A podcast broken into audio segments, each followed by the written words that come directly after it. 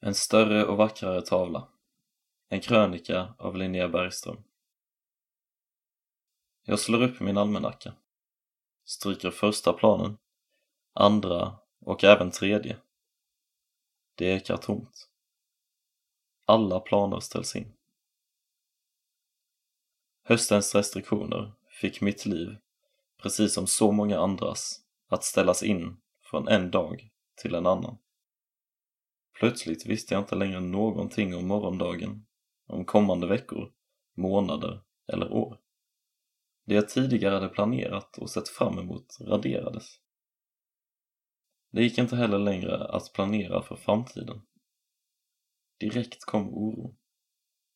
Jag blev frustrerad, satte mig ner och började klaga inför Gud om mina kraschade planer för en bra framtid.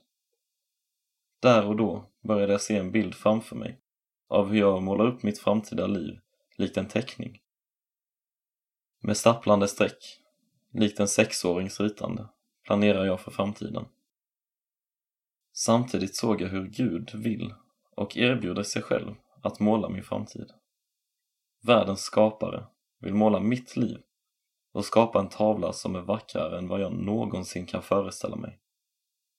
Mina egna taniga penseldrag, mina tankar och drömmar vill Gud använda och måla vidare på. Samtidigt vill han leda mig, skapa mer och göra något så mycket bättre. För Guds tankar och planer för mig, och för dig, kommer alltid att vara större, högre och mer fantastiska än vad vi själva någonsin kan tänka och planera för. Det tryggaste och bästa du och jag kan göra är därför att lämna våra liv och vår framtid i Guds skapande och målande händer. Jesaja kapitel 55, vers 9 Nej, liksom himlen är högre än jorden, så är mina vägar högre än era vägar och mina tankar högre än era tankar.